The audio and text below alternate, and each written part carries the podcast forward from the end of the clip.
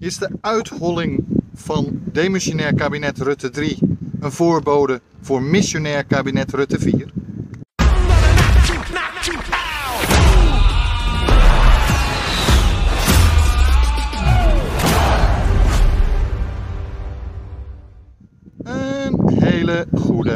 Goede morgen en welkom bij deze nieuwe aflevering van de podcast De Ochtendwandeling. Mijn naam is Bastiaan Toornent, ik ben theatermaker, acteur, podcaster en opiniemaker. Maar, maar ik ben met name een hondenliefhebber. En zoals bijna iedere morgen rijd ik weer door de Zandvoortse duinen met mijn twee trouwe viervoetertjes, Masha en Dexter. En terwijl ik dat doe, bespreek ik met u, de kijker en of luisteraar van deze podcast, diverse politieke en of maatschappelijke onderwerpen. Nu kunt u deze eh, podcast natuurlijk vinden op Spotify, Apple Podcasts, Google Podcast en diverse andere podcastplatformen. Tevens kunt u de video's van deze podcast vinden op mijn YouTube kanalen of op mijn Facebook fanpage. Nou, daar kunt u natuurlijk delen, liken. U kunt zich abonneren, zowel op de podcast als op de video's. U kunt natuurlijk mij volgen en u kunt natuurlijk reageren. Dat onderaan de berichten op Facebook, onderaan de filmpjes op eh, YouTube. Maar dat kan ook via het e-mailadres ochtendwandeling.torenent.nl. En wilt u nou meer over mij weten, over de andere projecten eh, die ik doe, of wilt u gewoon eh, deze show ondersteunen door vriend van de show te worden? Kijk dan even op mijn website en dat is www.torenent.nl. Ehm, als eerste moet ik even zeggen, eh, mijn excuses dat ik nu een beetje met mijn ogen knijp. Maar de zon staat best wel fel. Het is mooi weer, gelukkig. Ehm, maar ja, daardoor knijp ik dus met mijn ogen, behalve als er even schaduw is. Zometeen is de zon aan de zijkant van mij, dus dan eh, zal ik wat minder, wat duidelijker in de camera kunnen kijken. Goed, waar gaan we het over hebben? Nou ja, eigenlijk over de eh, demissionaire eh, minister eh, Hoekstra en natuurlijk over staatssecretaris Ankie Brokkers-Knol. Want wat is er afgelopen weekend gebeurd? Nou, Ankie, als eerste begon het eigenlijk met Ankie Brokkers-Knol. Die had een interview en een geautoriseerd interview. En daar moet ik dus even heel duidelijk bij zeggen. Mijn excuses voor eh, de windruis trouwens. Ehm, even bij zeggen dat een geautoriseerd interview is iets wat zij dus van tevoren heeft zij, voordat het interview geplaatst is, heeft zij van tevoren eh, het mogen lezen en eventueel antwoorden mogen aanpassen. Dat heeft zij niet gedaan, of nou ja, in ieder geval niet over de uitspraken waar nu zoveel ophef eh, over is en waar ze dus door het stof he- heeft, haar excuses heeft moeten maken, slash heeft moeten zeggen. ehm, ik had het eh, beter moeten formuleren. Want wat heeft ze nou gezegd? Nou, ze heeft ten eerste gezegd iets wat een beetje onwaarschijnlijk is, wat heel veel eh, ook organisaties zeggen, joh, dat slaat helemaal nergens op dat eh, ze dit beweert. Maar ze heeft als eerste gezegd eh, dat er zo'n, dat zij zo verwacht zo'n 100.000 Afghanen eh, dat die richting Nederland kunnen komen. Nou, dat wordt door vele, vele eh, organisaties, waaronder bijvoorbeeld ook de IND, eh, ontkend. Die zeggen heel duidelijk, joh, zoveel zijn het er lange na niet. Als die 48.000 die in eerste instantie aanvraag hebben gedaan, ehm, het al worden, dan is, nou ja, dan is het veel. Eh, die verwachten dus vele lagere aantallen eh, mensen vanuit Afghanistan richting eh, Nederland komen. Dus dat is als eerste wat er eigenlijk een beetje fout is aan haar uitspraken. En het tweede wat fout is, en dat is natuurlijk, dat maakt het eigenlijk heel dubbel. eh, dat ze eigenlijk letterlijk de ah, uitspraken van de Taliban over heeft genomen. Nou zeg ik absoluut niet dat zij een Taliban-sympathisant is. Echt niet. Ze is eh, een zeer, er- in mijn ogen, zeer rechtse, extremistische eh, VVD'er. Ehm, eh, die heel erg anti-immigratie is. Eh, tenminste, als je kijkt naar haar hele optreden eh, rondom immigratie gedurende de afgelopen eh, kabinetsperiode, dan heeft ze wat meer van dit soort rare toestanden meegemaakt. Ze heeft al die tijd bijvoorbeeld die eh, mensen die dus inmiddels hier mochten blijven, heeft ze al die tijd niet geregeld dat er nou eindelijk eens een keer dat hun ook hun paspoort krijgen. Mensen zitten al twee tot vier weken, vier, maanden, vier jaar te wachten op een simpelweg een BSN-nummer. Uh, of tenminste in paspoort, zodat zij gewoon zouden kunnen gaan werken. Nou, dat moet toch niet de bedoeling zijn van de immigratie. Zij zou toch moeten zorgen dat deze mensen juist wel kunnen werken. En uh, dat is uh, uh, Ankie Broekers-Knol. En nou heeft ze de uitspraak gedaan dat zij verwacht dat er heel veel, met name hoogopgeleide Afghanen, naar Nederland gaan komen. En dat zou heel slecht voor het land zijn. Uh, want dat is dan een uh, intelligentieleegloop in Afghanistan.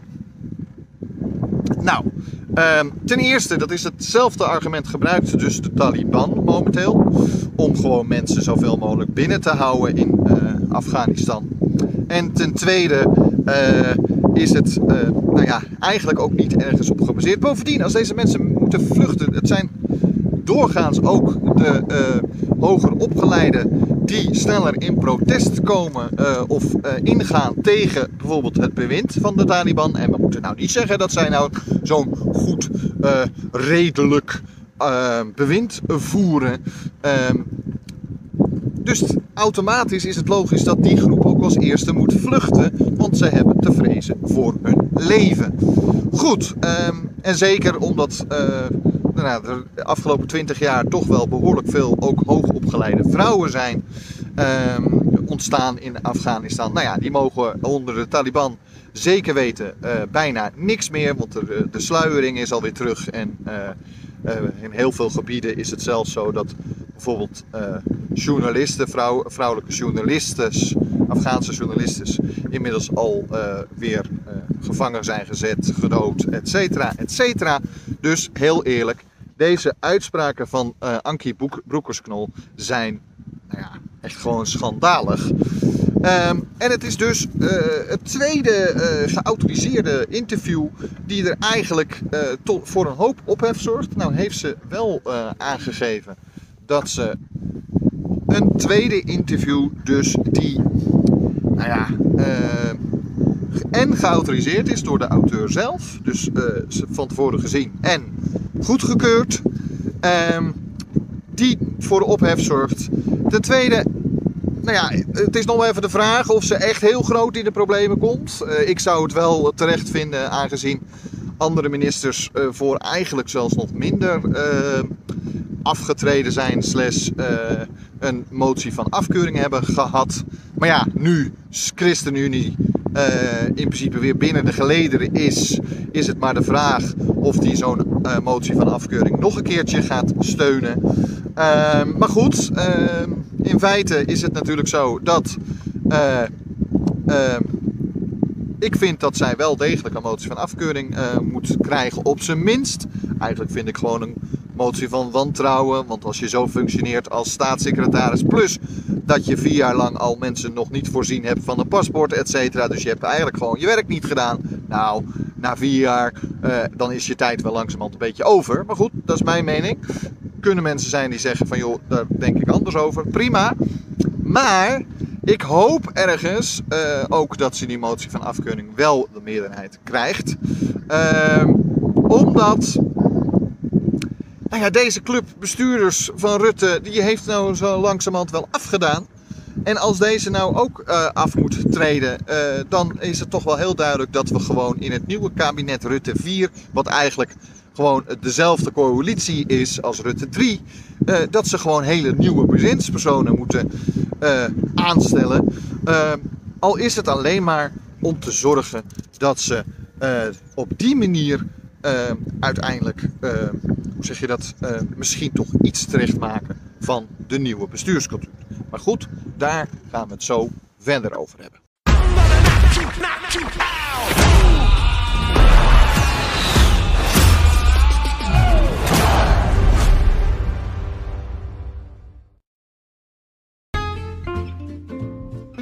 Houdt u ervan om even op een andere manier naar een nieuwsitem te kijken?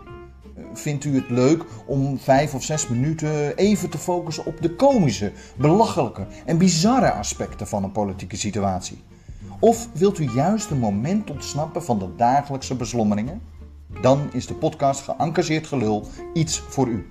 In deze podcast lees ik, Bastiaan Toornen, theatermaker en podcaster, een korte, komische, gevoelige of juist serieuze column voor met een kwinkslag. Alle soorten onderwerpen kunnen langskomen in de columns en geven net een andere kijk op politiek, maatschappij of gewoon het dagelijkse leven. De podcast Geëngageerd Gelul is te vinden op Spotify, Apple Podcasts, Google Podcasts, YouTube en nog veel meer podcast- en videoplatformen. Voor meer informatie gaat u naar www.torenent.nl.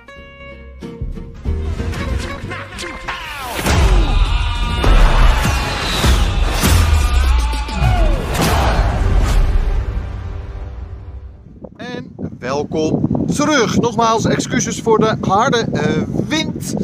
Ehm, ja, ik, ik, krijg het geluid niet beter. Mijn excuses daarvoor. Ehm, in ieder geval, ehm, we hebben natuurlijk, wat ik net zei, uh, Ankie Broekers-Knol gehad. Daar uh, nu een schandaal over is. En dat was zaterdag. En ja, net wat ik zeg, ik hoop echt dat als inderdaad dat nieuwe kabinet Rutte 4 in de oude samenstelling weer terugkomt, uh, dan hoop ik ergens stiekem dat uh, eigenlijk alle bewindslieden die Rutte 4 had, uh, in principe af moeten treden. Of in ieder geval niet terugkomen natuurlijk. Nou, um, ik hoop dan inderdaad dat ze gewoon compleet nieuwe mensen en dan ook iets beter op gaan letten over of deze mensen wel degelijk hun vak verstaan. Of dat er toch niet iets schimmigs is of iets raars is. Uh, want wat blijkt nou, dat kwam uh, gisteren uit. Uh, minister Hoekstra. Nou, in mijn ogen is het ongeveer de slechtste minister van Financiën die we in jaren hebben gehad. Uh, het is ook eigenlijk de enige minister van Financiën sinds jaren die na zijn regeerperiode uh, niet populairder is geworden. Tot nu toe was het altijd zo. Uh, dat is, of nou ja, altijd. Ja, nee, eigenlijk altijd. Het was met Kok al zo. Kok was natuurlijk eerst minister van Financiën. Uh, en die werd uh, toen uh, in, in Lubbers 3 was dat natuurlijk. Ehm, en toen werd hij daarna premier, want hij was populairder geworden. Nou, dat hebben we ook gezien bij Zalm. Nou ja, die is dan geen premier geworden, maar toen Zalm in Paars kabinet 1 en 2 minister van Financiën werd, was hij immens populair. En ook bij kabinet Rutte, Balkenende 1 was hij immens populair. Um, verreweg de meest populaire uh, VVD'er op die. Uh, wil niet zeggen dat hij heel veel stemmen heeft gekregen, want dat denken sommige mensen van joh, dat is toch niet zo geweest, want hij heeft heel veel stemmen gehad. Nee, dat dan weer niet. Maar heel veel mensen vonden hem wel in ieder geval een hele goede minister van Financiën. Ze zagen hem alleen niet zitten als premier of partijleider van de VVD. Nou, um, en nou ja, dat vind ik eigenlijk ook wel een goed recht, moet ik heel eerlijk zeggen. Want ja, ik vind ook dat uh, hij nou niet de meest uh, beste premier of uh, leider van de VVD was. Maar ja, als minister van Financiën had hij het volgens de meeste Nederlanders heel goed gedaan. Nou moet ik eerlijk zeggen dat ik het daar natuurlijk niet helemaal mee eens ben. Maar ja, ik zou niet links zijn als ik het er wel mee eens zou zijn. Aangezien hij ook de minister was die in twee kabinetten uh, ongeveer ons halve land heeft geprivatiseerd.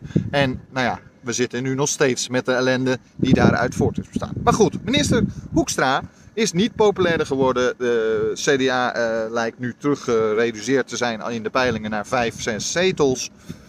Nou ja, dat is best uniek. Bovendien is hij ook een van de eerste uh, minister van Financiën die dus behoorlijk twee jaar achter elkaar door het CBR op zijn vingers is getikt omdat zijn huishoudboekje, zijn bonnetjes allemaal niet op orde waren en hij heel veel geld wat weg is gegaan niet heeft kunnen verklaren. Ehm, daar wordt een beetje overheen gelopen tot nu toe, iedere keer. Maar ik vind dat nog steeds hartstikke schandalig. Je bent tenslotte de minister van Financiën. En dan kan je de hele tijd zeggen: ja, we moeten voorzichtig zijn en geen investeringen doen. Of eh, weet ik veel. Al dat soort uh, bullshit die hij natuurlijk ook in de verkiezingen heeft geroepen. Dat er toch weer na de coronacrisis mogelijk bezuinigd moet gaan worden, et cetera, et cetera. Nou, uh, dat waren niet de meest handige uitspraken van hem. Ik vind dat ze uh, uh, in dat opzicht dat hij. Nou ja, het is de meest slechte uh, minister van Financiën ooit. En ik hoop echt niet dat hij weer terugkeert. Hij wilde, wil dat wel heel graag terugkeren als minister van Financiën.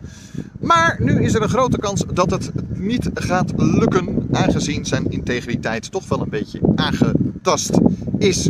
Want wat blijkt, hij had geïnvesteerd in. Dat blijkt uit de Panama Papers.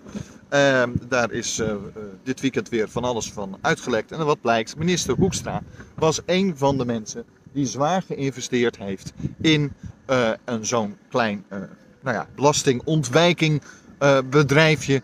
Ehm, wat op zo'n Caribisch eiland zat. En ja, ehm, daardoor kon hij, nou ja, zeggen ze dat hij maar 5000 euro in totaal aan die aandelen heeft verdiend. Uh, nou ja, dat vraag ik me altijd af, aangezien in hoeverre is er tussendoor ook dividend uitbetaald, uh, want daar uh, wordt dan niet over gesproken. maar ja, dat is natuurlijk een beetje dubbel, want het is belastingontwijking. Het was allemaal legaal, dat moeten we wel zeggen. En hij heeft het ook aan de landsadvocaat doorgegeven en aan Rutte doorgegeven. Wat ook wel weer iets zegt over Rutte. Hoe hij kijkt naar, als vriendjes van hem, meedoen aan dit soort ont, tenminste belastingontwijkingszaken. Uh, en nou moet. Ja, wat ik ermee wil zeggen is, bedoel, minister Rutte die heeft natuurlijk een uh, sollicitatiegesprek met Hoekstra gehad. Die volgens Hoekstra en volgens het CDA heeft hij gewoon open kaart gespeeld. Ook over deze investering die hij vlak een week voordat hij minister werd gewoon heeft verkocht. Dus in dat opzicht heeft Hoekstra zich aan de wet gehouden. Alleen, wat stond er in het CDA, uh, heet het, verkiezings... het, programma. Daar stond heel duidelijk in dat ze tegen dit soort bedrijfjes waren en dat het CDA dit soort bedrijven en mensen die daarin investeren hard wilde aanpakken. Vervolgens zenden ze zelf een minister uh, van Financiën uit. Die notabene nog een week voordat hij minister was, zelf onderdeel was van diezelfde praktijken die ze zogenaamd hard zouden gaan aanpakken. Daarbij komt dat Rutte natuurlijk uh, dit wist en vervolgens gewoon deze minister van Financiën heeft aangesteld. Terwijl dat toch een beetje dubieus is, aangezien. Uh, hoe kan je nou iemand die uh, een onderdeel is van een probleem ook nog eens een keer de oplossing van het probleem laten zijn.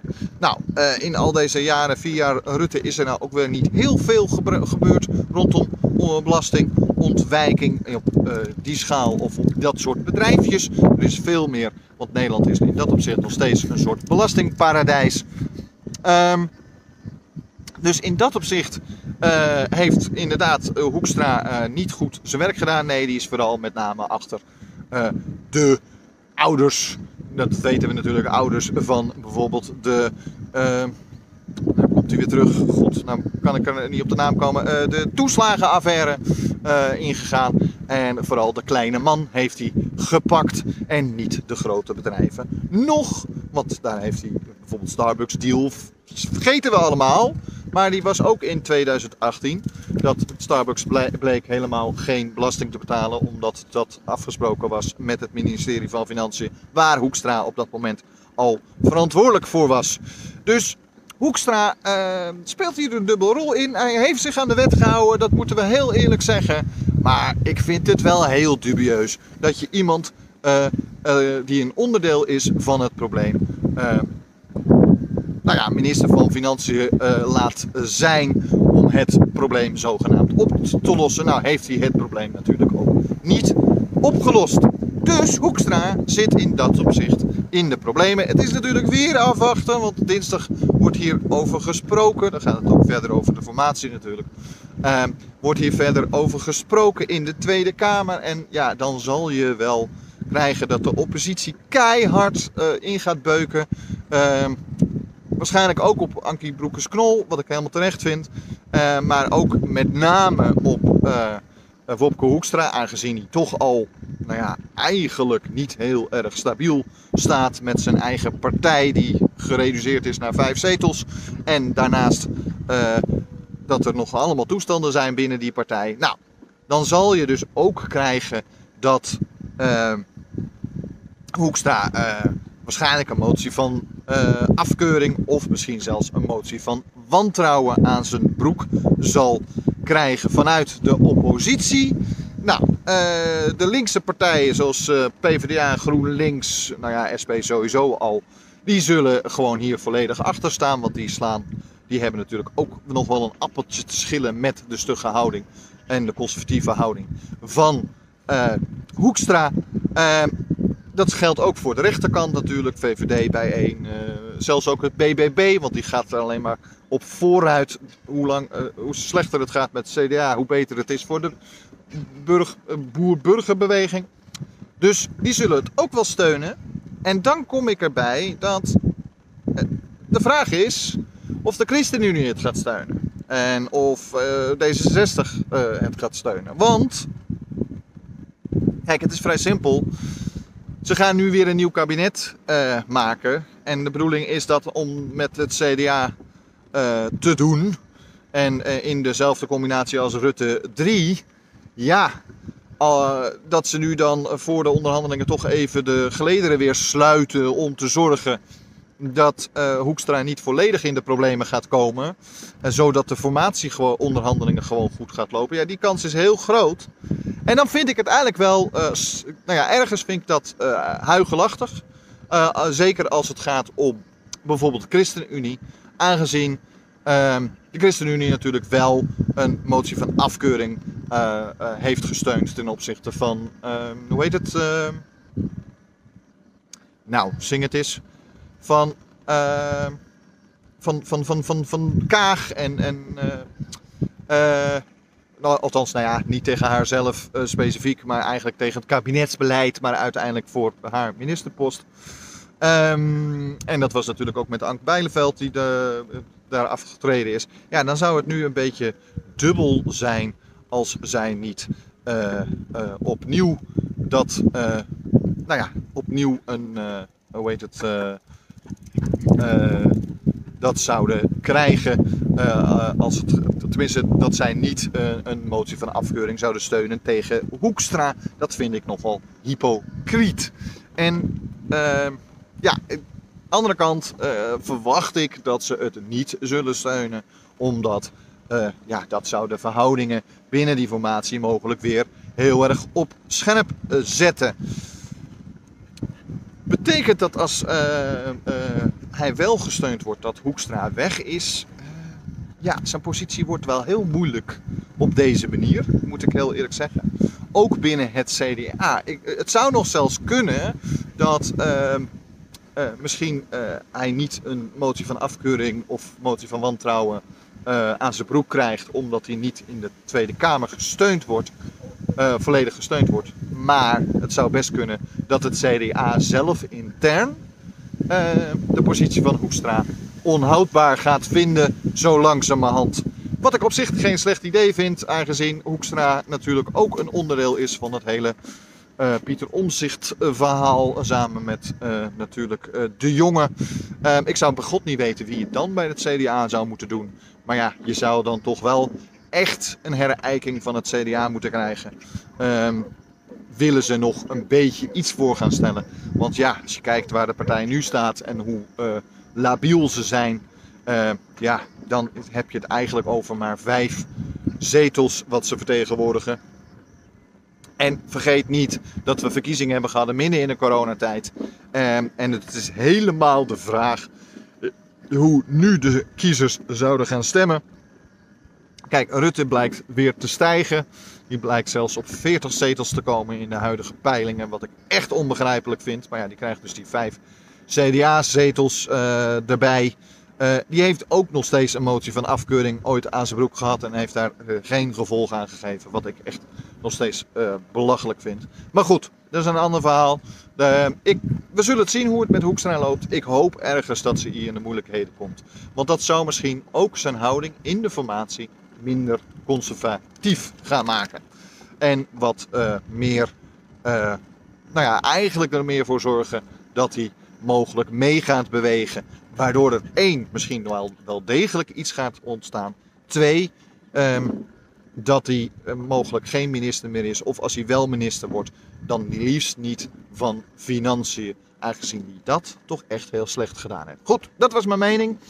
Laat uw mening ook weten. Dat kan via ochtendwandeling.torenent.nl um, ehm, Of natuurlijk uh, onderaan de Facebook berichten of onderaan de YouTube filmpjes.